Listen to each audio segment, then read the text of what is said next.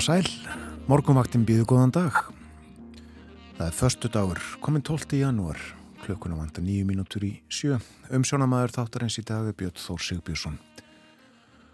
Og við hugum að veðrinu og uh, sjáum að uh, það eru rauðar tölur á öllu landinu, það þeir hitti. Á þessu þó ein undantekning, eitt blátt null á landakortinu. Hitti við frostmark sem sé í veiðvatnarhaunni. En það var fjórastega hitti í Reykjavík klukkan 6, skíjað 5 metrar vestanátt. Þryggjastega hitti á Stafóltsi, fjóra gráður í Stikkisólmi, fjórastega hitti líka bæði á Patrísfyrði og í Bólungavík og enn fjóra gráður á Holmavík, vestan átta þar. Fimmstega hitti á Blönduósi og fimm gráður líka við Söðunisvita, suðvestan 11 þar. Og fimmstega hitti á Akureyri, hægur vindur. Fjóra gráður á Húsavík, nánast logg, fjóra gráður líka á Rauvarhöfn, sekstega hitti á Skeltingstöðum, sunnan átta, fjóra stega hitti á Eilstöðum, lítilsátt að regning þar klukka 6, hægur vindur. 6 gráður á höfni Hortnafyrði og 8 stega hitti á Kvískerjum. 5 gráður á Kirkjubæðaklaustri, 5 gráður líka á Stórhauðaði Vestmanegum og 4 stega hitti í Árnesi. Og uh, að fráskildu veðivatnarhaunni er uh, hitti á Hálendinu, örlítill hitti, tvekja stega hitti til dæmis á Holtavörðu heiði, 2 gráður á Hverjavöllum, 3 gráður á Káranjókum. Svona viðraði á landinu klukkan 6 en horfurnar vestan 5-13 metrar í dag skíjað, lítilsátt að skúrir eða slittu jél en bjartviðri á Suðausturlandi og Östfjörðum og hitti í dag að 5 stígum og á morgun lögadag verður fremur hæg, norðleg eða breytileg átt og uh, skíja með köplum dálí til jél í flestum landslutum og það kólnar heldur. Og þá að vegunum, þeir eru býstamargir auðir, mar auðir og uh, grænt er uh, merkjum auðavegi á uh, korti vegagerðarinnar umferðin.is en það er uh, hálka og hálkublettir á nokkrum leiðum á norður og austurlandi. Og uh, raunar er flughált á möðrudalsöðrafum og enni vara við vetrarblæðingum og hólum sem að myndast hafa í vegum. Það hefur gerst mjög víða um landið. Nú, stór dagur í dag fyrir íþrótta unnendur, handbóltarlandsliðilegur fyrsta legginsinn á Evropamótinu í Þýskalandi, hann hefst klukkan 5 í dag og anstæðingarnir Serbar. Leikið í München. Þar, fer, uh, þar er uh, sagt, keft í riðlinum sérriðli sem að Ísland er í. Og auk Íslands og Serbíu eru í þessum riðli Ungveriland og Svartfélaland og uh, þau lið mætast í kvöld. Leikur nummið tvö svo á sunnudaginn. Og þriðileikurinn á þriðudaginn meira kannski um handbólta á eftir. En það er ímislegt á dagskrá morgumaktarinnar í dag. Við ætlum að tala svolítið um stúkustarfið sem að var bísna ábyrgandi og fyrirferðan mikið í samfélaginu fyrir hundra árum og rúmlega það. Við nefndum þetta nú og spjöldluðum aðeins um það fyrir vikunni en höldum áfram um fjöllun um stúkurnar þettinum í dag og uh, svo tölum við svolítið um Margreði Þórhildi Danadrottningu. Sem uh, verður ekki drottning Dana frá með sundaginum næsta eins og kunnugt er. En uh, meðraðum þetta allt saman á eftir. Tónlist líka á morgumaktinni í dag. Og fyrsta lag þáttarins þennan morgunin flytur John Denver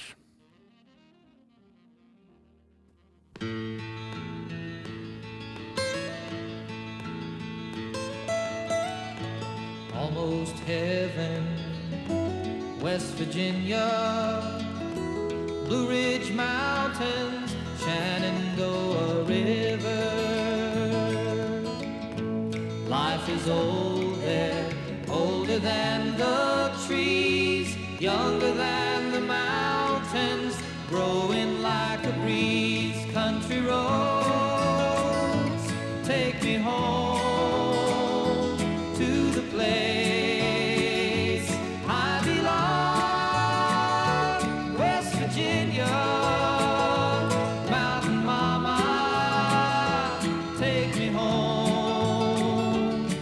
country roads.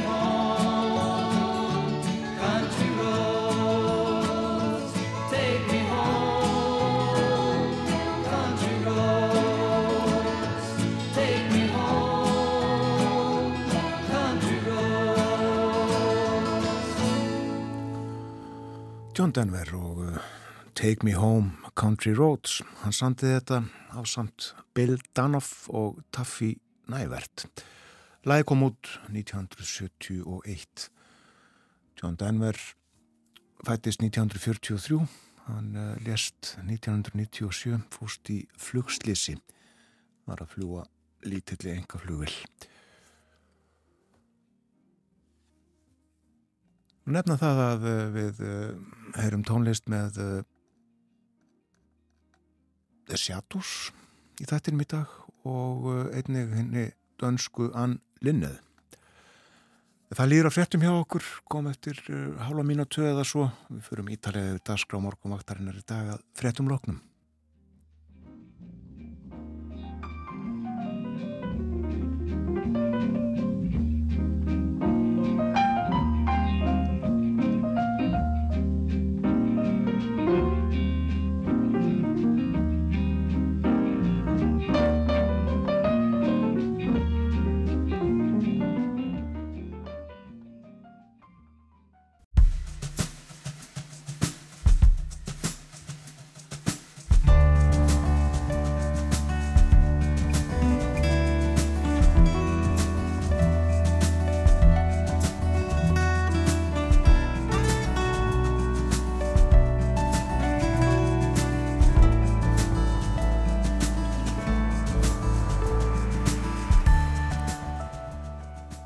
Góðan dag, morgunvaktin hilsar, fastu daginn 12. janúar.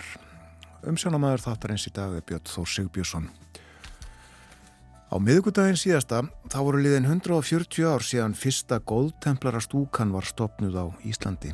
það var stúkan Ísafold nr. 1 á Akureyri og að því tilefni kom formaður bindindis reyfingarinnar Björn Sævar Einarsson í þáttinn og við spjöldluðum um bindindis starfið í dag og baráttuna gegn áfenginu. En stúkurnar á sínum tíma voru stórmarkilegar og uh, talfest afl í samfélaginu. Það þekki Nanna Þorbjörg Lárustóttir sakfræðingur vel, hún rannsakaði störf og áhrif stúknana og skrifaði mestrarritgerð um efnið. Nanna verður hér upp úr klukkan hálf átta. Og það verða tímamót í Danmörku á sunnudaginn, aldeilis, þegar Margret Þórildur afsalar sér krúnunni og sonarinnar Fridrik verður konungur. Fyrir tveimur árum, þegar Margret hafi ríkt í 50 ár, þá áttu við hér í þættinum viðtal við sendiherra Íslands í Kaupanahöfn. Það var þá Helga Haugstóttir og við spjöldluðum vitt og breytt um Margreti Þórildi og við endurleikum hluta af þessu samtali upp úr klukkan hálf nýju í dag. Og áður en að því kemur milli átta og hálf nýju þá verður leikinn dönsk tónlist. Við heyrum töða þrjú lög með Anne Linne og uh, lesum líka aðeins úr gömlum blöðum Annars vegar vangaveltur um hvort þeir tímar muni koma að mei konungar verði ráðandi í heiminum. Og hins vegar uh, lesum við greinum nýjordna átján ára Margreti Þórildi sem að þá tók sæti í ríkisráði Danmerkur. Það verður ágættis veður á landinu vestan 5-13 metrar á sekundu skíjað, lítilsáta skúrir eða slittuél en bjartviðri á Suðaustulandi og Östfjörðum og hiti 0-5 stig í dag. Og á morgun lögadag verður fremur hæg norrlæg eða breytileg átt, skíja með köplum, dáli til jél í flestum landslutum og það kólnar heldur á morgun. Og uh, á sunnudag, uh, norðan og norðaustan 5-13 bjart með köplum vestan til en jél á austamörulandinu og kólnandi veður. Og uh, á mánudag þá verður orðið bísna kallt inn til landsins 12 steg af frost þar jafnvel. Og enn kaldara svo á þriðudag, miðugudag og fymdag 14 steg af frost þar sem kaldast verður Nú um Færðina á landinu er það að segja að uh, það er hálka og hálkublettir á nokkrum leiðum á norður og austurlandi greiðfært að mestu sunnan og vestan til og varaður við hólum og blæðingum á vegum. Það er enda flughált á möðrudalsöröfum. Aðeins þá kannski að uh, hittast í nokkrum borgum í Evrópu uh, tekja steg á frost núna í Köpunahöfn uh, verður um frostmarkið í dag. Það er nýju steg á frost í Óslo og það er nú eftir að hlýna aðeins en verður þó frost í norsku höfuborgin í dag. Tekja steg að hitt í Stokkólmi snjóar í Helsingi og það er fjórasteg á frost og það verður kallt í dag og uh, sérstaklega í kvöld 12-13 steg af frost þar í kvöld. Það er 6 steg að hiti í Þósöp 3 steg af frost í Núk á Grænlandi það er 1 stegs hiti í Paris og þar verður uh, kallt í dag. 1 stegs frost í Berlin 2 steg að hiti í Róm. En uh, sólinn við það að koma upp og uh, verður uh, sínist mér 13 steg að hiti þar Í dag þegar bestlætur 5 gráður í London og einstigsfrost í Madrid og uh, þar línar eftir því sem líður á daginn. En uh, aðeins að uh, sólaganginum hér á Íslandi í dag uh, byrting í Reykjavík þegar klukkunum vantar 7 mínútur í 10 og uh, sólar uppbrás um 11 leitið sólarlag upp úr fjögur sítiðis og myrkur skellur á löst fyrir hálf sex. Í Bólungavík uh, þar uh, byrtir upp úr tíu og uh, sólar uppbrás upp úr hálf tólf. Sólarlag þegar klukkunum vantar 15 mínútur í fjögur og myrkur skellur á upp úr fimm. Og fleiri staðir Mývasveit byrting þar uh, þegar klukkunum vantar 15 mínútur í 10 og uh, sólar uppbrás upp úr 11 sólarlag hálf fjögur. Myrkur uh, þegar klukkunum vantar 12 mínútur í 5 og reyðafyrði er þetta þannig að byrting verður um hálf 10 og sólar uppbrás þegar klukkunum vantar 15 mínútur í 11 sólarlag hálf fjögur og uh, myrkur skellur á þegar klukkunum vantar 20 mínútur í 5 en uh, hvað ætlir sé að frétta af uh, tunglinu við uh, aðtúðum það? Og uh, finnum hér uh, stjórnufræði vefin sem að við skoðum stundum þegar okkur vantar upplýsingar um gang heimintúluna og uh, um tunglega það að segja að uh, nýtt tungl var uh, núna á þriðudaginn og nú sérst skilir þið eru þannig rétt rúmt 1% af tunglinu. Vaksandi sigð er staðið þess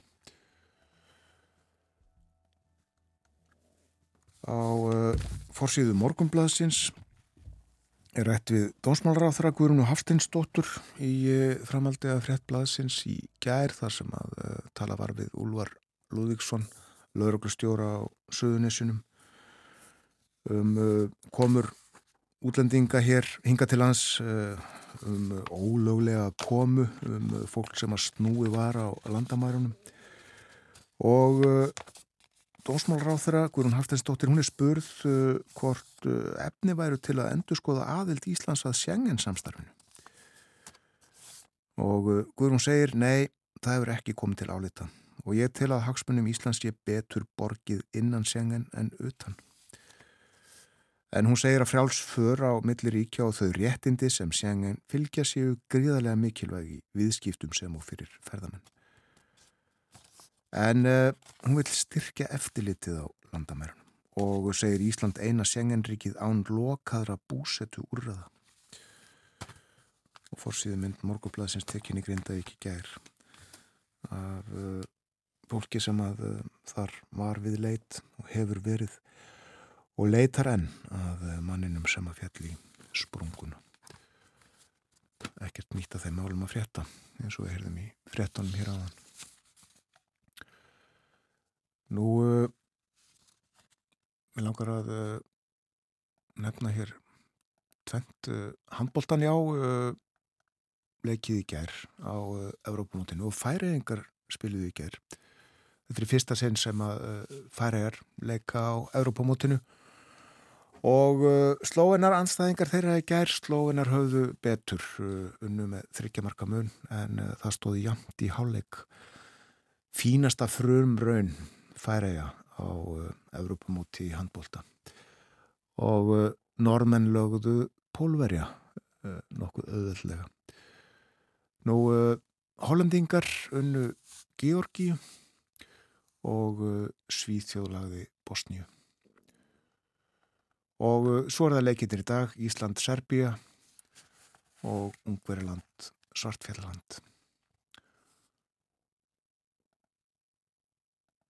Við langar að uh, vekja aðtekli hlustenda á þætti sem að var á dagskrá hjá okkur á gamlástag, uh, Dinner og sjó heitir hann, Guðmundur Pálsson. Er þar við Björgvin Haldásson um skemmtanirnar allar sem að fóru fram á skemmtistöðum Ólafs Löfdal á sínum tíma í Hollywood, á Broadway og Hotel Íslandi. Ólafur lést á síðasta ári.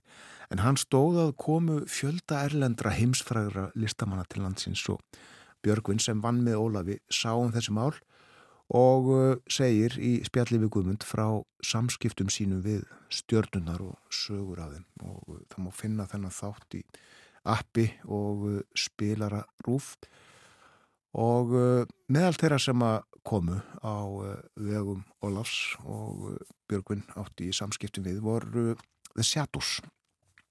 Hank Marvin, Bruce Wells og þeir. Þeir uh, komu 1986 og leku á sjö hljómleikum og Broadway mjótt. Ég held að það hafi staðið til að halda tennatónleika en uh, eftirspurnin var svona mikil. Shadows komu svo aftur uh, 2005 og þá að undirlega í eina spárðarsonar leku í Kaplakrika. Hlustum á Shadows.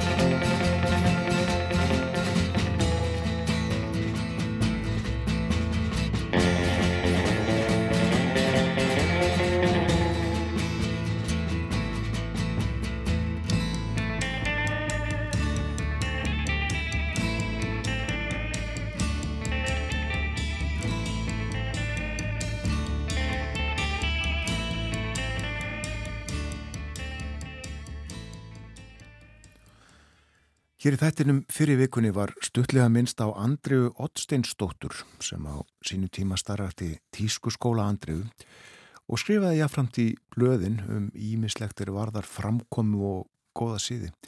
Ég rakst á viðtal sem að við kannátti við hana 1965. Það var Sigur Jónsson sem að tók viðtalið. Við grípum hér stuttlega niður í það svona ganni og uh, fyrst í engangin frú Andrea Ottsteinsdóttir rekur tískuskóla við skólaverðustíg og þar er ungum stúlkum kent hvernig það er eiga að koma fram svo að vel sé. En það er fleira gert þar en að æfa göngulægið og klæðinaðinn þar er fólki einni kent hvernig það á að umgangast aðra. Allar kurtisis og umgengnisvenjur eru mikil smetnar þar. Frú Andrea mun vera með þeim fróðari um þessi mál hér á landi og því brúðu við okkur til hennar til að fá svör við nokkrum vandamálum umgengnis listarinnar og fá holl ráðum það hvernig á að koma fram við náungan. Hún tók þessari máluleitan okkar hið besta. Tal okkar barst í fyrstu að þéringum sem hafa verið umdeildar. Ég spurði frúna hvort hún værið þeim plind. Já, alveg eindreið og það á að byrja að kenna börnum þéringar strax í barnaskóla. Kennarin ætti að temja sér að þjera börnin strax og láta þau þjera sig á móti. Það eru margi sem haldaði fram að sambandið get ekki orðið jafn innilegt ef þjeringar eru við þaðar. Ég fæ ekki séð að þjeringar hafi nein, neikvæð áhrif á alúðleika fólks. En það er nöðsynlegt að byggja strax upp í skólanum hvernig á að nota þýringar. Úlingar nú á dögum kunna alls ekki að þýra og hreinlega skilja mann ekki ef maður þýrar þá. Einu sinni kom til mín stúlka þegar við höfum talast við góða stund, böði henni dús. Hún skildi alls ekki hvað ég var að fara. Hjælt að ég var að bjóða sér upp á einhvern drikk. Þetta er dús engin íslenska en það er orðið fast í málunu og við verðum að nota það. Þetta sagði Andrið, þetta var 1965, sjörum síðar voru þýringarna svo aflaðar. En uh, meira úr uh, viðtali Sigurgis við Andriðu. Nú er viða pottur brotin í hegðun manna á almannafæri, svo sem í strætisvögnum og víðar. Hvað vildu þér helst segja um það? Að mínum dómi er fullorðið fólk alls ekki nógu kurtist við úlingana. Að hugsa sér að annað eins skuli geta komið fyrir og ég sá um daginn í strætisvagni, miðaldra kona kom inn í vagnin og rak unga stúlku, líklega 12 eða 13 ára, úr sæti. Hefðu hún farið öðruvísi að þessu, til dæmi spurt kurtistlega hvort hún gæti fengi sætið, hefði þetta verið allt annað. En þarna kynnast úlingarnir ókurtisi hjá hennum fullornu og því ekki að haga sér eins. Það er alls ekki óalgengt að sjá hvern fólk með rúllur í hárinu, segir Sigurgir Bladamadur, og það á almannafæri og jafnvel við aðgreðslustörf. Er þetta í lægi frá fagurfræðilegu sjónamiði? Nei, segir Andrea, þetta er eitthvað það ósmekklegasta sem ég sé hjá hvern fólki. Það er engu líkarinn að þær haldi að þetta sé í tísku. Já, bljótt og það er segir mér Andrea, á fólk að fara úr skóm þar sem það kemur í heimsók eða halda þeim á fótunum. Það fyrir eftir því hvernig á málinni litið. Ef við værum að koma inn úr auðsandi regningu á fórugum skóm myndum við auðvitað fara úr þeim. Annars tekur húsraðandi oft af mönnum ómakið með því að segja blessuð, verið ekki að fara úr skónum eða eitthvað því umlíkt. Sumir hafa þann hátt á að hafa áallt tiltaka inni skóhanda gestum. Ég er ekki alls kostar hrifin að því fyrir komulagi. Ef ég er kannski að fara í veistlu í mínu besta skarti að vera þá drifin í einhverja inniskó þegar þánga kemur, það getur eðrakt stemninguna. Að lokum Andrea, hvert er álitiðar á framgangi þessara mála og uh, þannig bara almennt talað um hegðun og framkomu og fleira slikt og Andrea segir ég held að fólki sé farið að skiljast að það kemst miklu betur áfram í lífinu ef það hugsa um að vera kurtist og alúðlegt við náungan. Fólk veit þetta og reynir því að breyta eftir því. Þegar skólanir eru farnir að taka þetta á sína stefnusgrá, fer ekki á milli mála að hér verður breyting á til batnaðar og því fyrr sem hún verður, því betra. Andrea Ottsteinsdóttir í Tískuskóla Andriðu í viðtali við viðkuna 1965.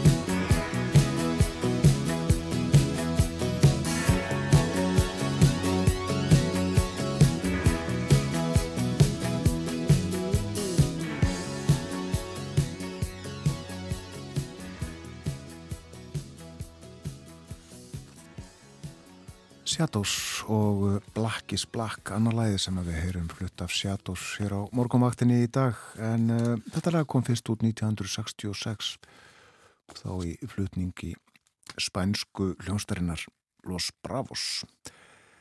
Lýður að fréttaði liti hjá okkur og uh, eftir það ætlum við að fjalla um stúkurnar bindindis hreyfinguna voru fyrir vikunni liðin 140 ár frá því að fyrsta stúkan var stofnuð á Íslandi. Nanna Þorbjörg Lárustóttir, sakfræðingur, þekkir eh, sögu stúknana og eh, hún verður hér eftir fréttaði lit. Svo minni ég á uh, að við ætlum að fjalla með Margreti Þórhildi Danadrottningu milli hálf nýju og nýju en hún hefur ákveðið að afsala sér krúnunni og Fridrik Sónurinnar tekur við henni á sunnudaginn.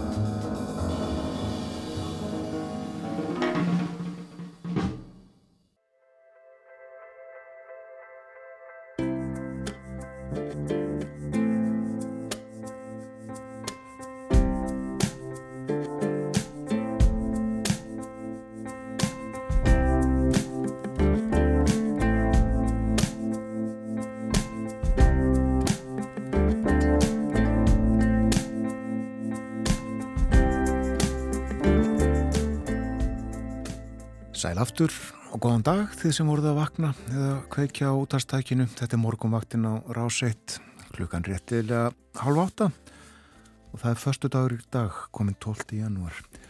Umsjónamaður þáttarins Björn Þór Sigbjörnsson.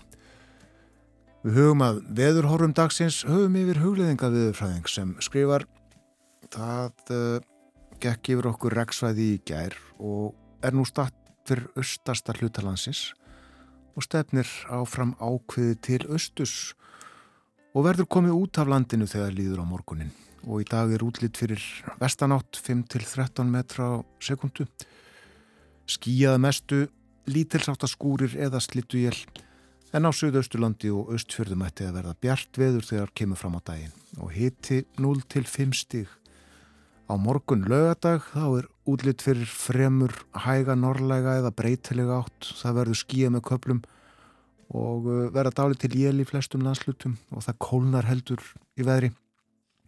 Og fyrir part næstu viku gera spár ráð fyrir að kallt heimskotaloft streymi yfir okkur úr norðri. Og þá má búast við jæljum eða snjókomu á norðanverðulandinu en uh, það verður þurft og bjart sunnan til og uh, má búast við alltaf 14 steg af frosti þarna þrýðudag, miðugudag og fymtudag sankant spáni eins og hún lítur út núna.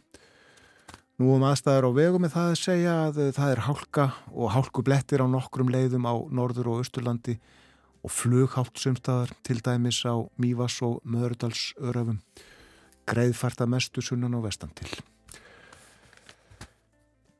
Nú nú, þá að uh, fyrsta viðtali þáttarins þennan morgunin þannig er að uh, fyrir vikunni á uh, miðugudag þá voru liðin 140 ár frá því að fyrsta stúkan var stopnuð á Íslandi og uh, þar með hófst starf góðtemplara í landinu og þetta var stúkan Ísafóld nr. 1 stopnuð á Akureyri í innbænum þar Við rættum aðeins um uh, bindindir starfið í dag hér á miðugudagin síðasta en uh, nú ætlum við að uh, fræða svolítið um stúkustarfið í gamla daga og hugmyndafræðina baki þessu starfi og það sem að stúkurnar áorkuðu, ef svo má segja.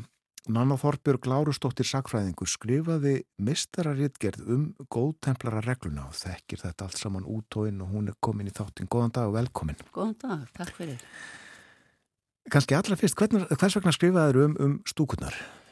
Sko, það hafði verið nefnt við mig hversu gríðarleg áhrif góðtemplara reglan hefði haft hér á landi og ég bara einfallega fekk áhuga á þessu.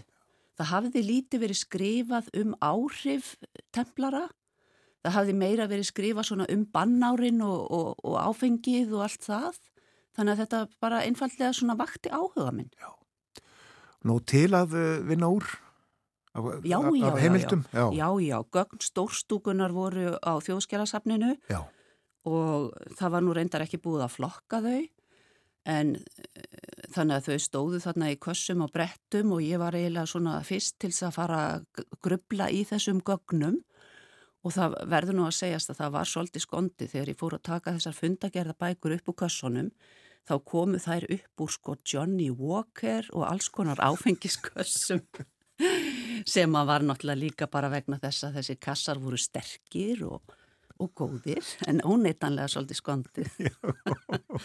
og svo var þetta að skrifa heilmikið um þetta í blöðin á sínum tíma trúið. Já, já. Já.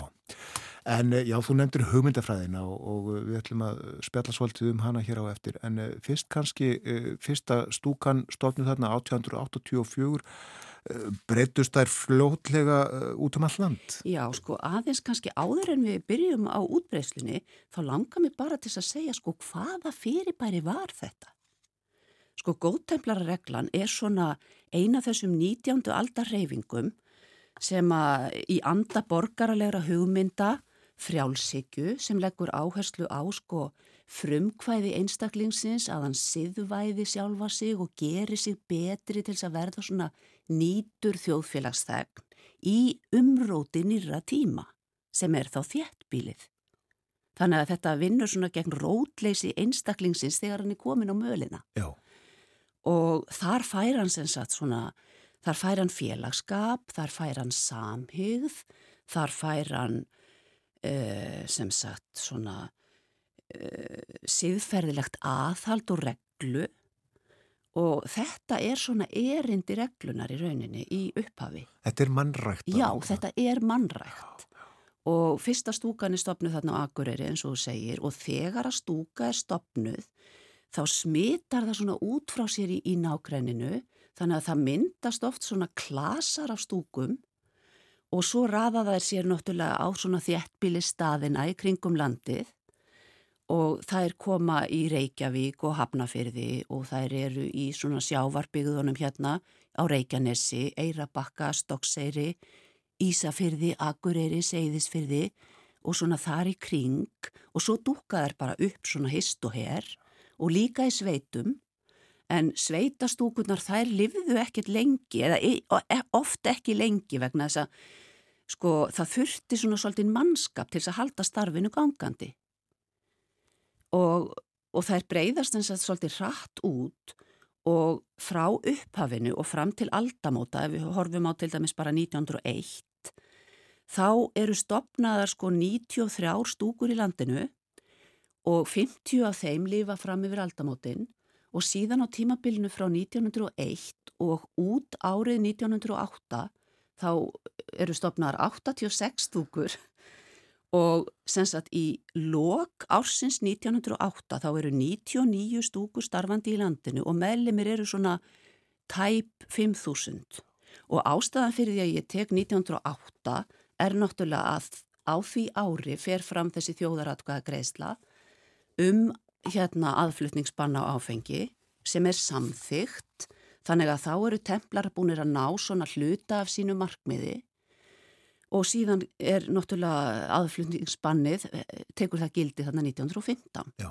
en í þessu starfi þá eru sko svona toppar og lægðir og það verður svona uppgangur fyrir aldamótin, síðustu árin fyrir aldamótin. Og svo kemur aftur uppgangur svona eh, 1905 til 1908 og svo kemur svona síðasti uppgangurinn svona á því tímabili sem ég var að skoða svona undir 1930, 27, 28. 1928 þá eru sko svona tæp 7000 manns í stúkum. Eh, Var, eh, veistu, eh, mikið áfengist vandamáli landinu þarna upp úr 1880 Já, þegar sko, það er alltaf stað? drikja, drikja var náttúrulega útbreytt og hún var almenn meðal karla. Þannig að drikja er svona svolítið böl í samfélaginu og fólk fer að upplifa drikkjuna sem böl þegar að svona líður, að svona á, líður á síðar hluta 19. aldar. Og, og drikkjan kom náttúrulega mest niður á konum, börnum og heimilunum og menn voru að nota brennivinni til þess að halda á sér hýta. Þeir voru með það á sjónum og þeir voru með það í ferðum, á hestum og svo framvegis. Já, já. Akkurat. Förum þá aðeins uh, á dýftina í hugmyndafræðinni í þessu öllu saman, þessu stúkustarfi. Þetta er erlend náttúrulega. Já, og það má líka spurja sig sko hvers vegna stúkan fær svona frjóan jarðveg hér. Hún fær náttúrulega nokkuð frjóan jarðveg með við það sem ég er búin að segja. Mm.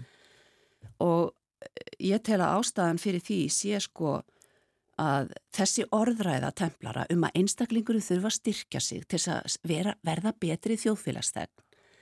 Það náttúrulega bara talar algjörlega inn í sko sjálfstæðisbaráttuna sem er í fullum gangi. Þannig að hérna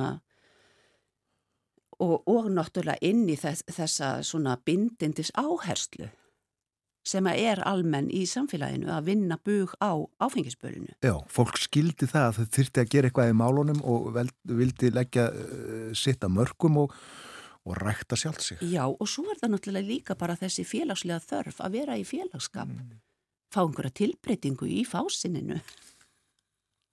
Fara á stúkufund einu sinni Já, viku. fara á stúkufundi einu sinni viku. Og uh, já, eins og við segjum að þá, þá kom þetta að utan. Uh, Þetta, uh, ha- það hafi verið um e- e- eitthvað skeiðir það ekki stúkustarf á Norðurlöndunum til dæmis. Jú, það hefði náttúrulega verið sko bindindisfjölug áður. Bindindisfjölug hefði verið stopnuð. En góðtemplara reglan er sko regla sem hefur mjög skýran struktúr og mjög skýrt regluverk og svona tekur þetta allt mjög markvissar. Myndum að segja. Já, Já, og það var unnið eftir, eftir uh, lögum, nákvæm lögum um hvernig þetta allt Já, já. og, og sko bindindið er náttúrulega í brennidepli og markmið templara er að útrýma áfenginu. Þeir, þeir, orðræðan var þannig sko þeir vildu útrýma áfengisnautninni úr samfélaginu. Og til þess að þjálfa sko bræður og systur eins og fólki í stúkunum var nefnt. Og það, það snýrist svo mikið um að þjálfa fólki að tala og tjá sig og markmiði með því var að fólk talaði máli bindindisins út á við og breytti út svona fagnaðarerindið í raun og veru. En sko, ef við, ef við skoðum svolítið svona starfið inn í stúkonum, sko hvað var fólk að sækja í stúkunar? Það náttúrulega var hlind bindindinu væntanlega, en það var ekki hægt að halda fólki í stúkonum endalöst með bara tómri bindindisumræðu. Ekki drekka, ekki drekka. Nei, það þurfti að vera eitthvað skemmtilegt Já. í bóði og þá er ímislegt í bóði innan stúknana, það eru upplestrar þar sem kannski fólk er að flytja frumsamið efni, það eru spilakvöld, það eru dansleikir og það eru leiksýningar. Og mér langar að staldra svolítið við leiksýningarnar, ef ég má. Endilega. Sko, stúkurnar þurftu náttúrulega að hafa húsnæði til þess að funda í og það var mikill metnaður oft hjá stúkum að, sagt, að byggja sér húsnæði og hérna í þessum húsum sem dúkkuðu upp svona víða um landi, þessum samkomuhúsum var yfirleitt að ég tel alltaf eða mjög oft leiksvið og leiklista starfsemi var sem sagt liður í að halda rekstri þessara húsa gangandi því að félagsgjöldin þurfti að vera lág því að markmiði var að fá sem flesta í stúkurnar þannig að það þurfti að reka þessi hús Það og það þurfti að tekna. selja inn á síningarnar já. en m- mér finnst og ég tel að það sé annað markmið líka með leiklistastarfsemi og það er það að þegar að einstaklingurinn stígur á stokk og tjáir sig fyrir framann áherendur þá er hann náttúrulega að skora svolítið sjálfan sig á hólm hann er að stíga á stokk og hann er að ebla sjálfströst sitt þannig að ég myndi álita að í þessari leiklista starfsemi templara þá kristallist svona eiginlega erindi þeirra, yfirlist erindi þeirra að styrkja einstaklingin einmitt. og, og góðtemplarar voru náttúrulega einhver frumkvöðlar svo sem í leiklist eða það er að segja að það höfðu farið fram leiksýningar svona þá helst í klúpum svona betri borgara eða eitthvað svo leiðis og svo voru náttúrulega bara leiksýningar vinsælar á þessum tíma. Ekkert sjónvarp, Nei, ekkert svo. ekkert útvarp. Nei, en svona í almennt á stúku fundunum og svoleiðis, þá sér maður í fundagerðabókunum að það eru svona, það eru svona ákveðnir aðilar í hverju stúku sem eru svona náttúrulega áberandi og leiðandi og leiða þessa umræðu, en hinn almenni félagsmaður er svona frekar kannski tilbaka og það þarf að hafa svolítið fyrir því að fá hann til að tjá sig. Já. Já. Jafnbrettismál voru líka fyrirferða mikil í stúkustarfinu. Já, sko, reglan er náttúrulega fyrsta félagslega reyfingin sem að sko hleypir konum að og innan þessa félagskapar þá starfa konurnar á yfirlýstum jafnbrettis grundvelli með körlunum og það er náttúrulega að læra fundarsköp og allt það sko og, og eru þarna inni en það breytir ekki því sko að fólki þarna í stúkonum það er náttúrulega, það eru allir náttúrulega uh, sko undir áhrifum af þeim, þeim viðþorfum sem ríkja bara út í samfélaginu. Þannig að konurnar í stúkunni fara svona automatist í þetta þjónandi hlutverk eins og þeir hafa út í samfélaginu. Það er gegna gjarnan í upphafi embætti dróttseta sem er svona embættisheiti sem að þar sem dróttsetin sér um að salurinn sé til reyðu, allt sé snirtilegt og fínt og svo leiðis og hérna, Þetta er í anda þess tíma. já, akkurat og það er þvó dúka og embættiskragana og, og sauma og svona. En, sko, þegar að, þegar að álýður þá verða konurnar eða allavega svona einhverjar þeirra verða óanæðar með það hvað, hvað svona lítið leita til þeirra og hvað fá lítið að gera í raun og veru. Og það er stopna til dæmis kvennastúku hérna í Reykjavík 1907 og það er bara rétt eftir að kvennréttindafélag Íslands var stopnað. Þannig að þarna er kvennréttinda baráttan að hafa áhrif inn í stúkunar og þessi stúka hafði greinilega góðan jarðveg því að 1912 er hún sjött, orðin sjötta fjölumennasta stúkan í landinu Já. Og lifði alveg fram til 1917 eða 18 eða eitthvað. Já. Við höfum talað hérna svolítið um hugmyndafræðina og, og svona félagsstarfið í eh, stúkunum en baráttan út af við, hún var hörð og stúkumenn sögðu áfengi er eitur. Já, þeir Það var sögðu- ekkert farin eitt fýtna í það. Nei, sko. nei, áfengið er eitur, það eitrar líkama mannsins og það eitrar þjóðar líkamann og það skemmir ekki bara fyrir þér sem drekkur, heldur kemur það líka niður og koma til kynnslóðum, sögðu þeir. Og sem sagt markmiðið er að útrýma því. Og það er svolítið aðtiklisvert ef maður skoðar sko málflutning templara að í upphafi er áherslan á siðbótina, þar að segja að styrkja einstaklingin þannig að hann standi sterkur gegn freystingunum á þessuna þessa siðferðilegu sjálfstjórn. En þegar að líður svona nær aldamótum þá fara templar að koma með harðari bannstefnu, þá vilja þeir bann á áfengið, á eitrið og sko bannstefnan hún varð eiginlega ofan á eins og til dæmis á Norðurlöndunum þar sem að löndin voru í svona, þar sem að umræða var um sko sjálfstæði og sjálfsmynd þjóðarinnar. Þannig að það fylgist svolítið að þessi harða áhersla að þurfi bara að banna þetta eitur. Já.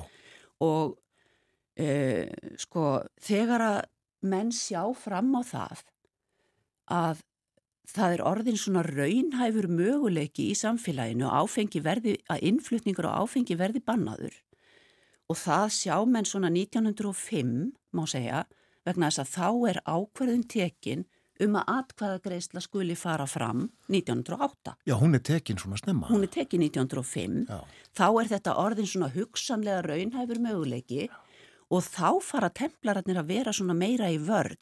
Þá fara hinnir sem eru á mótið þessu að sækja svona svolítið í sig veðrið og það eru hófsend, hó, hófsemdar mennirnir. Þeir sem vilja, sem, þeir sem tala fyrir svona drikju í hófi og þeir verða svona helstu andstæðingar templarana. Og það má segja að hófsemdar mennirnir komi á þessu tímabili með svona svolítið jákvæða, sko, jákvæða rauksemdir. Það má eiginlega segja að hófsemdar mennirnir taki raukræðu, gömlu raukræðu templarana upp og gera hana að sínum. Að sagt, einstaklingurinn þurfa að styrkja sig og standa gegn freystingunum en meðan að templararnir eru bara á línu harðs bans. Já. Þannig að templararnir eru svona kannski með svolítið svona neikvæða umræðu á meðan að hinn eru svona kannski svolítið svona með jákvæðari áru, Já. má segja. Og svo voru greita atkvæði þetta 1908 Já. og uh, fór þannig að uh, áfengisbann var uh, samþitt með 60% atkvæða, 40% voru á móti. Já, og það má spurja sig sko hvort að þessi hvort að þetta samþykki fyrir aðflutningsbanni hefði náðst fram ef að atkvæðagreisla, ef að þjóðaratkvæðagreislan hefði ekki farið fram akkurat í þessum kostningum 1908. Vegna þess að þessar kostningar 1908 þær snérust um uppkastið og þjóðaratkvæðagreislan var samhliða. Og hvað var uppkastið? Uppkastið var sambandslega samningur á milli Íslandinga og Dana sem að þingmenn höfðu unnið að þarna mánuðina á undan og andstæðingar uppkastsins þeir sko töluðu fyrir sko semst umræðan um andstöðuna við þetta uppkast andstæðingunum fannst sko uppkastið ekki ganga nógu langt og þeir vildu bara aðskilnað frá dönum þeir sem voru fylgjandi uppkastinu þeir vildu fara hægar í sakirnar og voru sakaðir um að vilja sko uh, innlima Ísland bara inn í Danmörku. Já. Þannig að sko þó að þessi tvö mál hafi ekki verið svona samspyrt í kostningabaráttinni sjálfri þá var umræðan um þau bæði, hún var af sama meiði. Það var byllandi pólitík í þessu. Já, Já, sko umræðan um hérna uppkastið hún var tengt sko þjóðarvil, eh, hún var tengt sko hérna þjóðhotlustu. Já. Og umræðan um bannið, hún var tengt þjóðarviljanum. Það er að segja, templararnir sögðu, þjóðin vill bann Já. og þess vegna verðum að setja það á.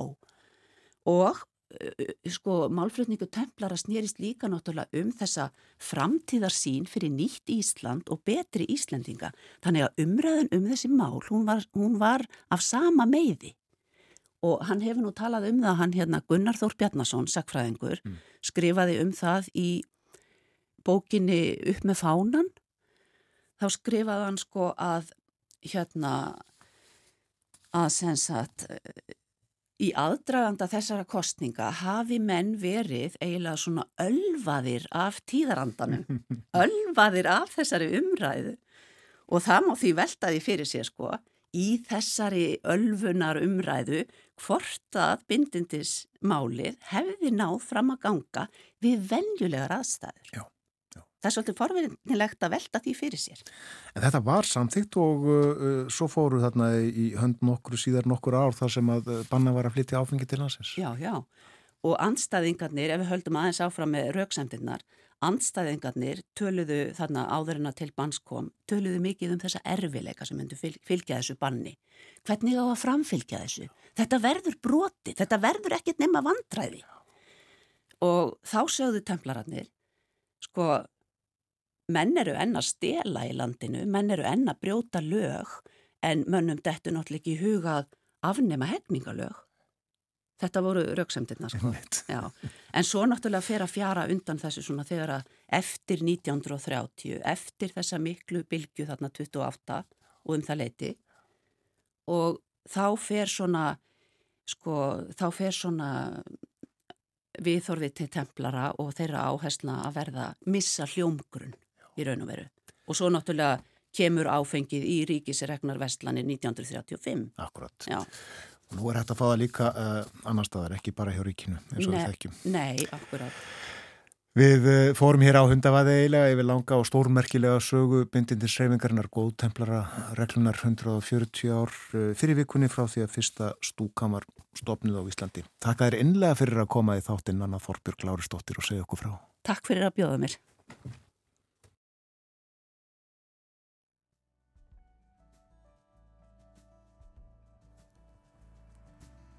Og klukkunum vantar nú 6 minútur í 8, við fáum fréttir klukkan 8 og uh, eftir þær uh, þá ætlum við að lesa tvær gamla greinar úr blöðum. Önnur uh, bar fyrirsögnuna verða meikonungar ráðandi í heiminum? Að því var spurt 1946 og við leikum líka nokkuð dönsk lög tónlist með Anne Linne svo ætlum við að fjalla um Margreti Þórhildi drottningu og leikum upp úr hálf nýju viðtal hluta viðtali sem við áttum við Helgu Haugstóttur sem var sendið herra Íslands í Kaupmannahöfnu 2022 þegar 50 ár voru liðin frá því að Margret Þórhildur var drottning.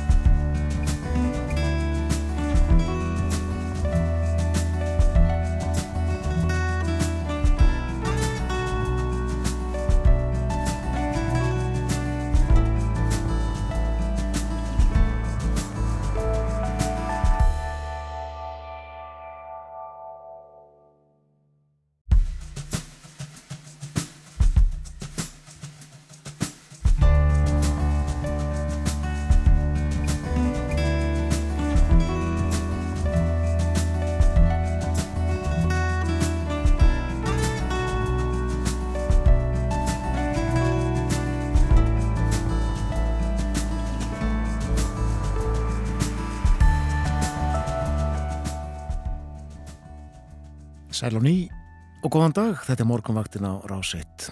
Klukkan farin að ganga nýju, það er förstu dagur í dag, komin 12. janúar. Hér fyrir drettir var fjallaðum góðtæmplararegluna. Nanna Þorbjörg Lárusdóttir var gestuminn, hún er sagfræðingur og skrifaði mistarriðger á sínum tíma um regluna. 140 ár liðin frá því að fyrsta stúkan var stopnuð á Íslandi og við töluðum svolítið um áfengisinnflutningsbannið sem var samþýtt í þjóðaratkvæðagreyslu 1908 og tók gildi 1915 stóði nokkur ár. Já, kann að koma fólki á óvart einhverjum sem ekki þekki þessa sögu að það var bannað að flytja áfengi til landsins um skeið. En nú er öldinunur hvað um það? Hér framöndan er uh, svolítil umfjöldunum Margreti Þórhildi Danadrottningu og uh, í bland við tónlist. Við setjum lagafónin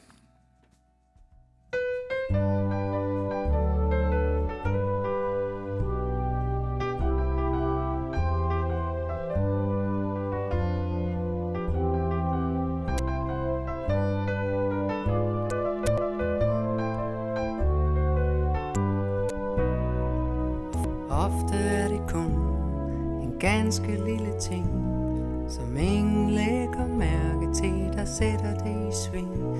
Et tilfældigt strejf Af en hånd Knytter hjerternes bånd. Spørger jeg nu mig selv Hvorfor det blev dig? Så aner jeg det ikke Og jeg husker heller ej Hvad mit liv var værd Før.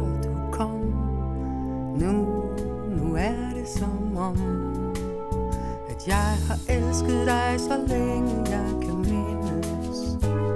Og sværmet for din stemmes dybe klang.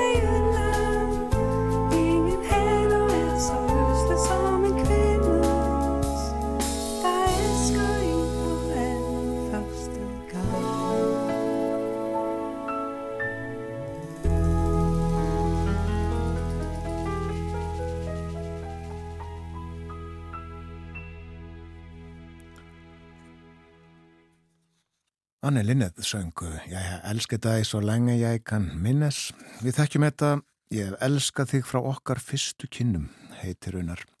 En þá man ég hvar Bjarni Guðmundsson gerði íslenska textan við þetta lag Kærs Normans Andesen og Hallbjörg Bjarnadóttir söng.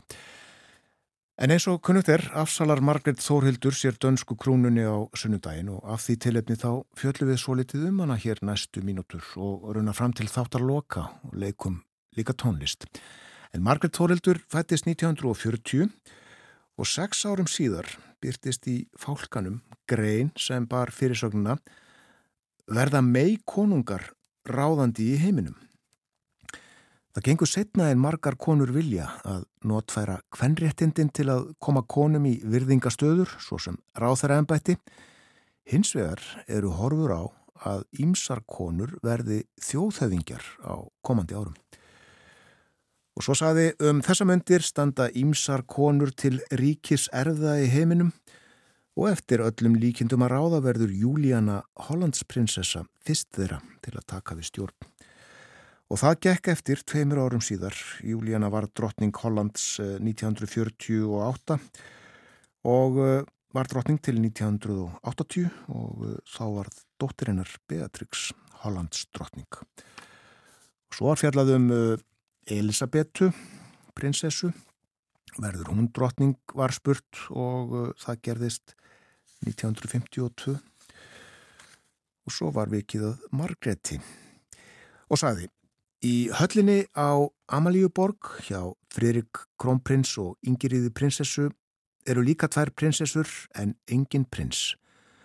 Nokkrum dögum eftir að þjóðverja réðust inn í Danmörku fættist eldri dóttirinn í Amalíuborg Fæðirinnar held henni sjálfur undir skýrn og heitir hún Margrét að aðalnafni en auk þess margt annað og þar á meðal Þórildur.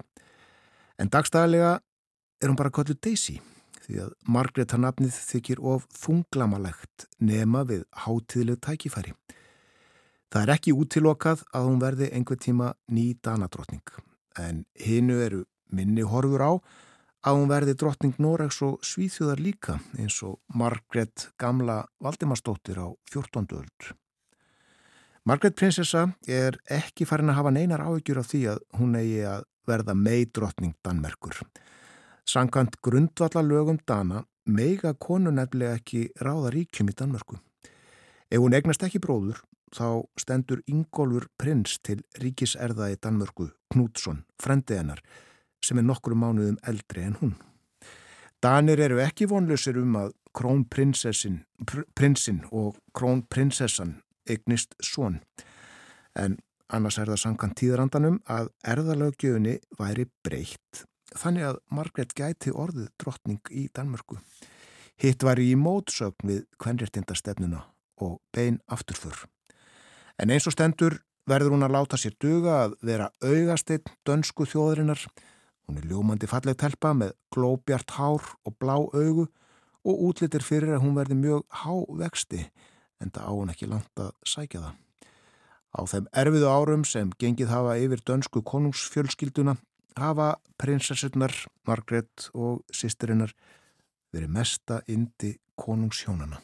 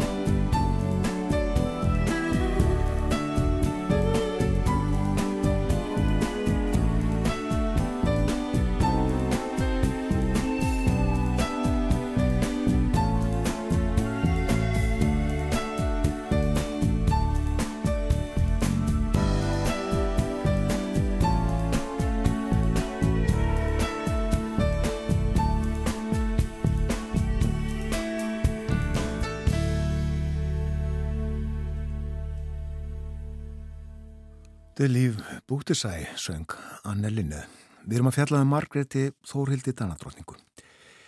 Í april 1958, þegar Margret varð 18 ára, þá tók hún sæti í ríkisráði Danmerkur og fylgir blað sem sjálfstæðisfélag Vespanæja gaf út skrifaði. Margret Ríkisarfi Dana, dóttir Ingiríðar og Fridriks nýjunda konungs varð átjánara 16. april og tók þann dag sæti í Ríkisráði og þá voru hún á föðu sínum sæmt Fílabeinsorðunni, æðista heiðusmerki Dana. Hún var stopnud 1693. Þá fær hún líferi 75.000 krónur og þegar hún verður 21 ás hækkar hann í 100.000. Er til þess ætlast að hún sem ríkisarfi komi sér upp hirðbúnaði og flyti þá í hýbili sem henni munu verða fengin í einu því húsi sem konungsfjölskyldan býr í í Amelíanborg. Margrét Ríkisarfi fættist á hennum erfiðustu tímum í sögu þjóðasinnar Það er fáum dögum eftir að þjóðverjar höfðu hernu með Danmörku árið 1940. En í augum Dana bóðaði fæðinkennar nýja bjartari tíma í myrkri hins þíska hernáms og undir okkunar nazista. Daglega og móður hennar yngrið henni í vagnni út á löngulínu eins og hver önnur kona í Köpmanahöfn á nokkurar gæslu líkt og Kristján Tíundi fórum götur höfuborgarinnar á hestinum sínum eitt síns liðs. Hún varð á samt afa sínum eins konar einingar tákn þjóðarinnar á þessum erfiðu tímum. En danska konungsfjölskyldan var einhuga með þeirri þjóð sem lítur á konungin sem sitt einingar tákn og saminast um að gera virðingu hans og heiður sem mestan á sama hátt og konungurinn telur sína sæmt einnig sæmt þjóðarinnar.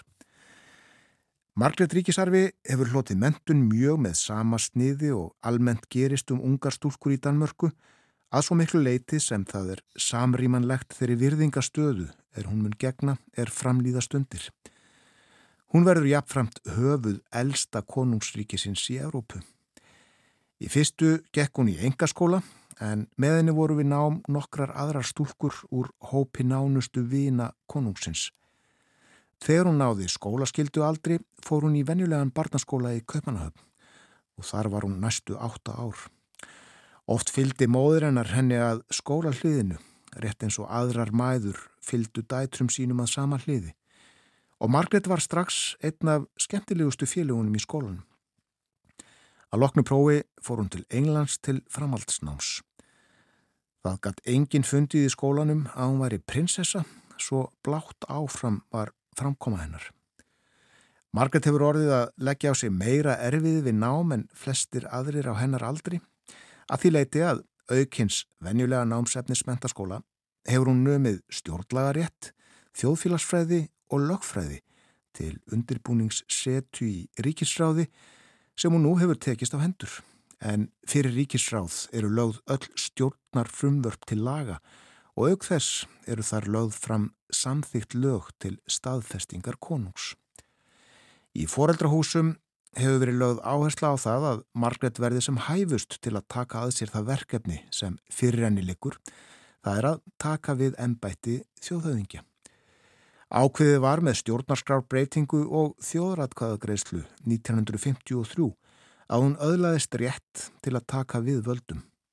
Áður var það ákvæði í lögum að konungsembættið skildi ganga í arf til elsta sonar en konungshjónin dönsku eiga engan son en þrjárdætur. Því var þessu ákvæði breytt á þann veg.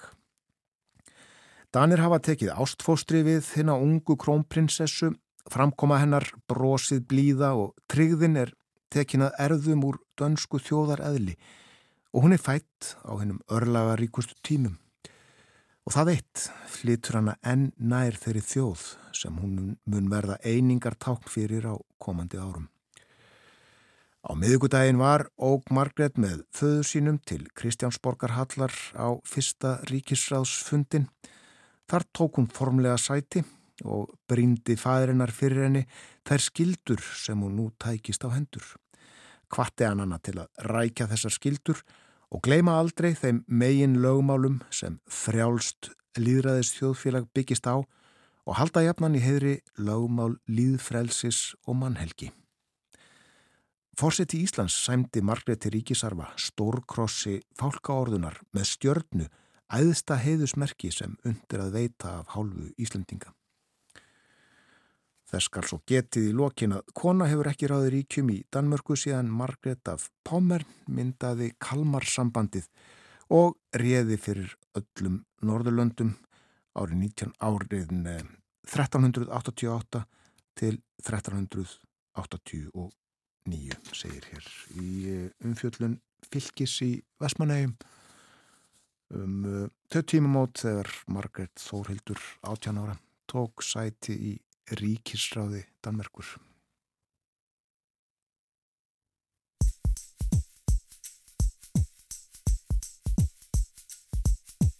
Det er nat og vække uger tjekker sit tak Nat og galen slår høje scene mm. Og hvad skal man så? Skal man i seng? Nej, man skal give sit hår en gang lak Og sige min ven Hvor skal vi hen? Gå med i lunden Så spidser vi munden Og fløjter den gamle sang om kærlighed Lad skoven skille Lad klokken slå elve Lad morgenen og mælkevejen drysse ned. Vi er kun dig og mig, mig og dig. Til at gå i takt Og hvis du glemmer mig, så glemmer jeg Hvad mor har sagt om i lunden. Så spidser vi munden Og fløjter den gamle sang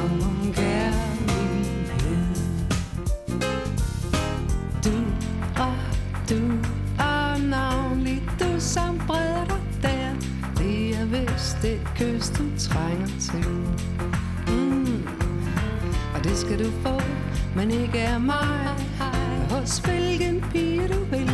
Tag blot hendes hånd Og sig så sådan Kom med i lunden. Så spidser vi munden Og fløjter den gamle sang om kærlighed. Mm, Lad skoven skælve. Lad klokken slå elven. Hold af morgenen, mælkevejen drøser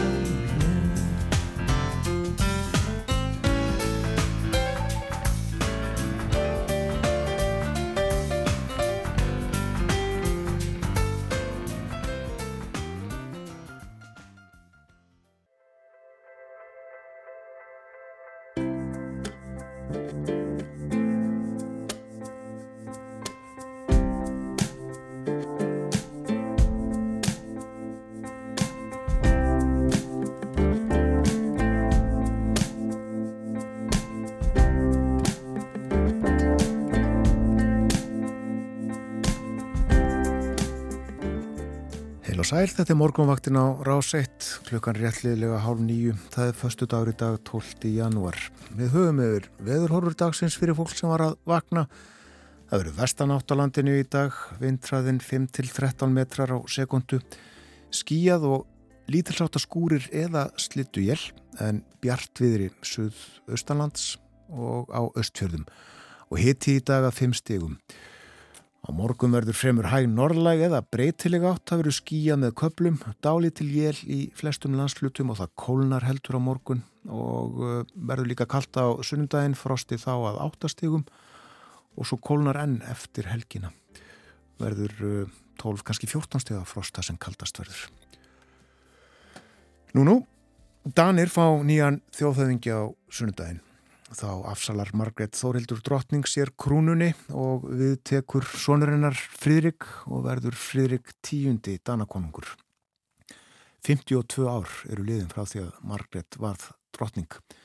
Og það gerðist þegar fadreinar Fridrik níundi konungur lést 14. janúar 1972.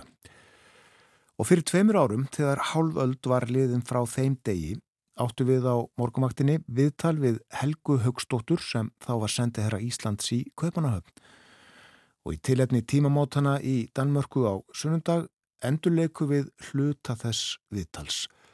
Við hverjum nú tvö ár aftur í tíman. En þá er það danska drottningin. Í dag eru 50 ár síðan Margret Þórhildur. Hún heitir raunar Margret Alexandrína Þórhildur Ingrið, var drottning Danmörkur fadrinnar, Fridrik Konungur nýjundi, lést 14. janúar 1972 eftir stutt veikindi og eftir lögum og reglum varð Margret Þórildur drottning þar með en daginn eftir var hún svo formlega kynnt dönsku þjóðinni sem drottning á sölum Kristjánsborgarhallar. Margret Þórildur var þá 31 ás. Og til að fjallum þessi tímamót er Helga Haugstóttir sendi herra Íslands í Kaupanahöfn með okkur. Hún talar að utan. Góðan dag Helga. Góðan dag frá Kaupanahöfn. Þetta er háttíðisdagur í Danmarku, er það ekki? Jú, heldur betur. Uh, þó að það hafi nú reyndar staði til að, að fagna þessu uh, með aðeins viða meiri hætti heldur en að uh, verður svo raunin. Vegna COVID-stöðunar hérna í Danmarku að þá ákvaðdrottningin fyrir jólað að fresta hátíðahöldunum um, svona framöytir árinu, þau verða vonið til september og hérna uh, það verður svona eitthvað lástemt þá kannski getur maður sagt hér í, í dag. Um, það verður ríkisásfundur með drottningu og svo minn fjölskylda, konusfjölskyldan leggja kransa leiði Fredriks nýjunda og yngriða drottningar í Dómkirkjunni í Róarskyldu en um, svona önnur hátíðahöld og viða meiri þau býða betri tíma og, og vonandi verður af þessu í, í september. Og uh, það fór eins, fyrstu nefni þetta, fór eins með uh, áttræðis afmælið hennar í, í, uh, april 2020. Já, það gerði það. það. Hún ætlaði að halda upp á, á áttræðisamæli sitt í, í april 2020. Þá var COVID-faraldurinn í hafinn og, og hún hætti við þau uh, hátíðahöld. Og sama má reyndar segja um, um 50 samali krónprinsessunar, uh, Mary krónprinsessu sem að verður 15 núna 5. februar. Eh, það átti að, að halda upp á það með, með eh, hátíða kvöldverði en, en það hefur verið hægt við það líka Já. af sömu ástæðu. Akkurat. Mm. Við skoðum áðan eh, fórsýðu pólitíken og þar eru þetta mynda drottningunni frá því að hún stóð þarna á svölum Kristjánsborgarhallar fyrir 50 árum. Það er mikið fjallað en um þetta í dönskum fjölumilum er það ekki? Jú, mjög mikið og hefur verið síðustu daga og vikur og þetta hefur satt sig að verið hérna, mjög fráðlegt eh, líka fyrir mig að, að hérna, þó ég hafi nú svo sem vita ímislegt um, um drottninguna og hennar valdatíma þá er þetta samt sem að búin að vera bara mjög uh, áhugaverð og skemmtileg upprifin á þessari uh, 50 ára sögu. Uh, það hafa verið miklar umfjallanir í öllum netmiðlum og, og, og prentmiðlum og, og sjó, það hafa verið sjómanstættir og útastættir Danska ríkisjónvarpi hefur gert þessu mjög góð skil og fleiri um, sjónvarstöðar enda líka. DR var með mjög skemmtilega fjóra þáttu sériu um þessi 50 ár þar sem að voru, sagt, það voru viðtöl við drotninguna um valdatíma hennar og síðan var fléttað inn í það myndum og umfjöllunum fjölmjöla frá, frá öllum þessum tíma og eh, drottningin var að tala svolítið út frá því sem hún sá, hún var eiginlega satt bara fyrir fram á sjónvaskerm og, og talaði út frá því sem að, að bar fyrir auð og rifið upp sögur. Þetta var mjög skemmtilegt og hún talar um, ofsalega hlýlega um föðu sinn, uh, Kristján Nýjend og þetta fóreldri sína báða Uh, hann hafði í lifandi lífi verið mjög stoltur af því og ofsalega ánaður með það að hún skildi uh, verða ríkisarfi eftir hans dag. Lögum um þetta í Danmyrku var breytt árið 1953 þar að segja að artæki uh, sitjandu konu skildi verða dóttir hans og drotningi var þá 13 ára og hún segi sjálf að hún hafi glaðst mjög mikið yfir þessari breytingu og þar með væri það skýrt og klart að framtíð hennar lægi í Danmyrku og í þjónustu við dönsku þjóðina. E, og það er mjög greinilt af því sem hún segir um allan sinn valdatíma að e, skildur hennar við konungdæmið og við Danmörku og við dönsku þjóðina það er koma ofar öðru og það hefur eflust verið mjög yfirþyrmandi líka að stiga inn í, í þetta hlutverk sem drottning en, en hún auðvitað kom úr þessu umhverfi og hafði haft ansið góðan tíma til þess að svona mennist tilöksunni getur maður kannski sagt En hún segir að, að á þessu tíma það var ekkert ráðrum til þess að verða eitthvað skelku, það var bara komið að þessu og það var ekkert um það annað ræðina að, að fara í þetta. Mm. Og segir þetta aldrei á svona humoristískan hátt sem er nú svolítið hennar háttur líka að í hennar fjölskyldi sé ekkert afturkvöldunar ákvæði. Uh, skildan við Danmarku kom fyrst og hún hafa alltaf haft ánægu og gleðaði að standa undir þessum skildum. En dagurinn sem að drottningin tók við var auðvitað líka uh, sorgadagur fyrir uh, konungsfjörskilduna því að konungurinn uh, eins og þú nefndir í þínum yngangi, hann lést þennan dag eftir stutt og eikind og hafði þá ríkt í, í 25 ár. Akkurat. En Margrét er búin að ná aðeins, hérna, hún er búin að ná aðeins lengri tíma heldur en, heldur en faðirinnar og, og ég, ég gerði nú ganni mínu að kíkja svona nokkur, nokkur ár eftir í tíman, tók nú samt bara 200 ár En það hefur engin ríkt í Danmörk eins lengi og, og, og Margret á þeim tíma. Langa, langa við hennar, Kristján Níandi, hann ríkti í 43 ár og afi Margret er Kristján Tíandi, hann náði 35 árum og, og hann var auðvitað konungur yfir Íslandi á merkilegum og mikilvægum tímamótum í okkar sögu þegar við fengum fullveldi 1918 og síðan þegar liðveldi var stopnað 1944. Já, ég kíkti á þetta líka, mm. mér minnir að þurfa að fara aftur til 16. eða 17. aldar til þess að, að finna konung mm. sem að, að var lengur heldur en hún hefur verið núna. Já, ég held að það sé rétt, það var, ég sá það á politíkinu morgun að það voru, það var, uh, já, einhver af hennar forfæðurum hafði náð held í 57 árum. Já, og, og hún er auðvitað önnur mm. konan til þess að vera drottning í, í Danmörku, Margret, önnur Margret fyrsta. Já, einmitt. Fættist 1353. Já, en hún var reyndar vist ekki krynd drottning, en hún var, já, já. de facto drottning. Ég þekki nú ekki alveg þess að sögum mjög vel en það var nýlega gerð mynd um uh, kvikmyndum Margréti fyrstu. Kom út núna fyrir einhver tíman í, í haust eða síðsumars og hérna hún var, svo kvikmynd var gerð að einhver leiti í Norrætni samveinu. Já. Þannig að það, eru, það voru meðal annars íslenskar tvær leikunur í þeirri mynd ef ég mann rétt. Um, minn er að það hafi verið Haldur að Geirastóttir og svo verði ég að hjáta ég hérna, mann ekki uh, hver hinn var. En hérna þessa mynd á ég reyndar eftir að sjá svo ég halda frá mig játa. Mikla játningar hérna. Mikla játningar, já. já. En hvað með þessi 50 ár, þennan feril? Eh, hefur hann mestu verið farsæl eða eru þarna einhverju skandalar sem eru þeir upp? E, já, ég held að það sé algjörlega hægt að segja að þetta hafi verið mjög farsæl feril hjá drottningunni. Þegar að hérna hún tók við þá voru vinsaldir uh, konungsfjölskyldunar eða, eða stuðningur dana við konungsveldið. Hann var ekki nema rétt um 40% og uh, það var gerð konun á þessu í mars 2018 og þá var hann komin upp í 74%. Og sérfræðinga hér segja að vinsaldir konungsfjölskyldunar haldist algjörlega í hendur í rauninni við þar personur sem að þar eru hverju sinni og drottningin nýtur uh, algjörlega, myndi ég segja, persónlegra vinselda og einni hennar uh, afkomendur. Uh, það var í leiðara Bellinska í morgun að þá, hérna, þá var henni hrósað mjög mikið fyrir þá tala svona ákveði afreika í rauninni að halda þessu öllu saman.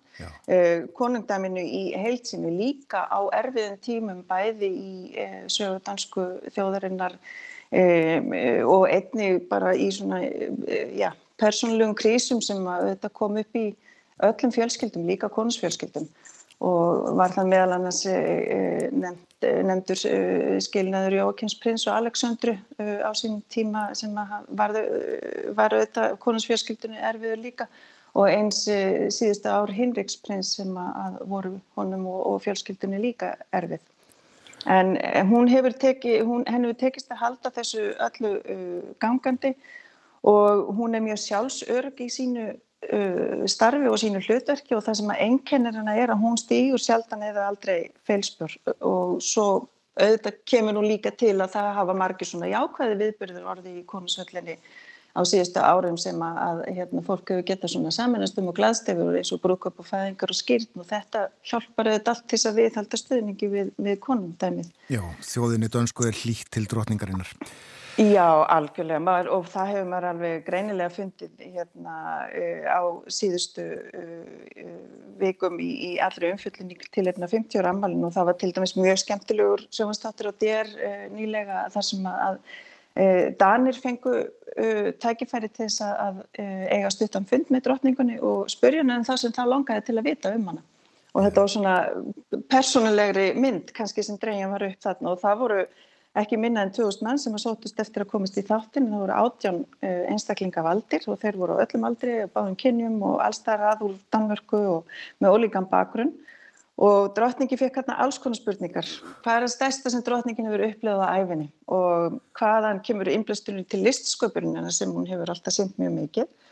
Og uh, ung stúlka sem hafði lendi í einhelti í skóla spurði hana einfallega var einhelti til þegar þú varst lítil?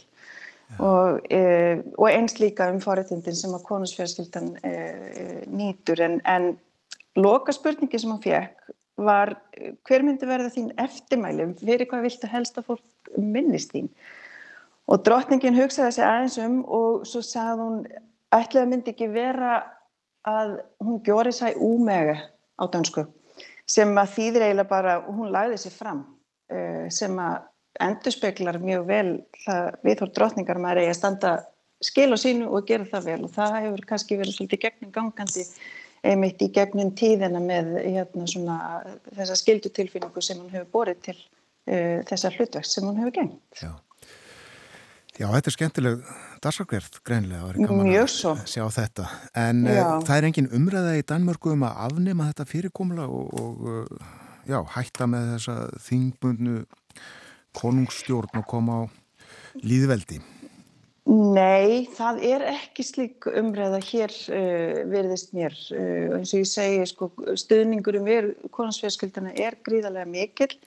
Uh, hún er ábyrjandi í Danmörku, hún er virk við alls konar tækifæri bæði innanlands og utan og, og konansfjörskildan hefur, uh, hún hefur auðvitað, uh, hún hefur ákveðið hlutverk en Uh, hún er þjóðhöfðingi, drottningin er þjóðhöfðingi í Danmörku, hún er fulltrúi Danmörkur út á við og sammenningaták inn á við en hún fer aldrei inn í pólitík, hún hefur ekki heimildir til pólitískra aðtapna, uh, hún kemur að myndun ríkistjórnar og undir þetta lög sem að fólkatingin hefur samþygt svo leiður hún og byrjar heimsóknir erlendi, svo er gestgjafi í slíkum heimsóknum í Danmörku og svo tekur hún uh, á móti sendiherrum sem að, að eru fulltrúar erlendara ríkja í Danmörku. En En hún, uh, það er alltaf mjög skýrt, bæði er það skýrt í stjórnskipan landsins og það er líka skýrt í öllu því sem að drotningin gerir og það er að línan er þarna, uh, pólitískar aðtapnir, það stigur hún ekki inn í, hún tjáir sig yfirleitt ekki um slíkt sko.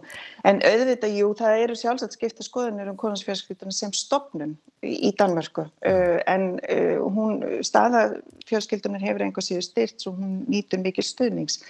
En um, það auðvitað koma kannski önnur sjónamið inn í þetta líka og þessi sjónamið sem kannski vegast á í þessu er einmitt að annars vegar þá standi kongafólki svona sem ákveði ták samfélagsins. Það leggur mikið á mörgum til þess að styrkja stöðu Danmörkur á erlendri grundu og, heldur þjóðinni saman ákveðin hátt. En svo hitt sjónamið að, að konundæmi sé enga veginn í takti við þau líðræðislegu gildi að allir sjöfættir jafnir.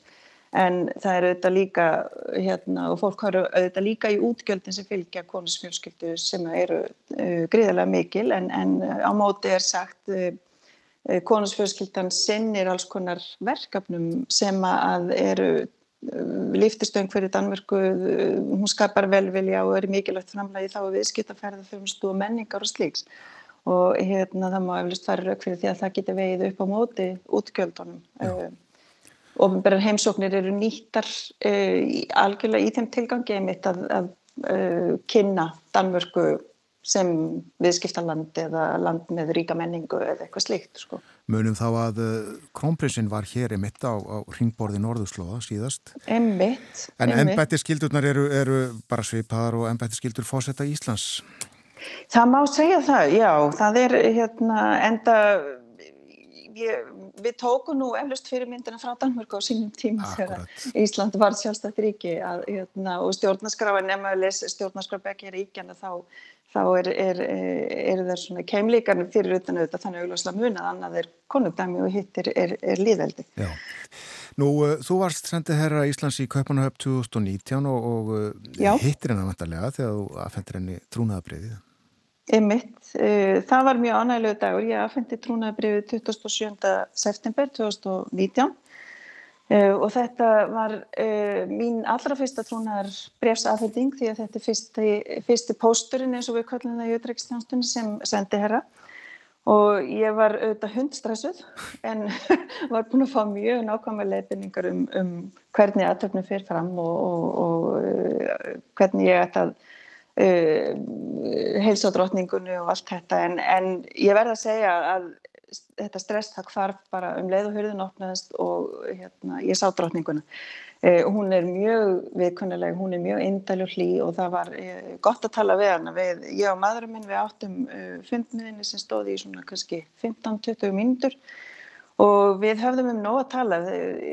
Ísland og Danmörk og þetta eiga svo langa sögu saman og um, í svo mörgu tilliti, menningarlegu tilliti og pólitísku og viðskiptarlegu og drotningin þetta þekkir Ísland vel og, og, og sögu okkar og uh, við rættum uh, líka um, um Vigdísi Fimboðadóttir fyriröldu fósita og, og þeirra vinskap.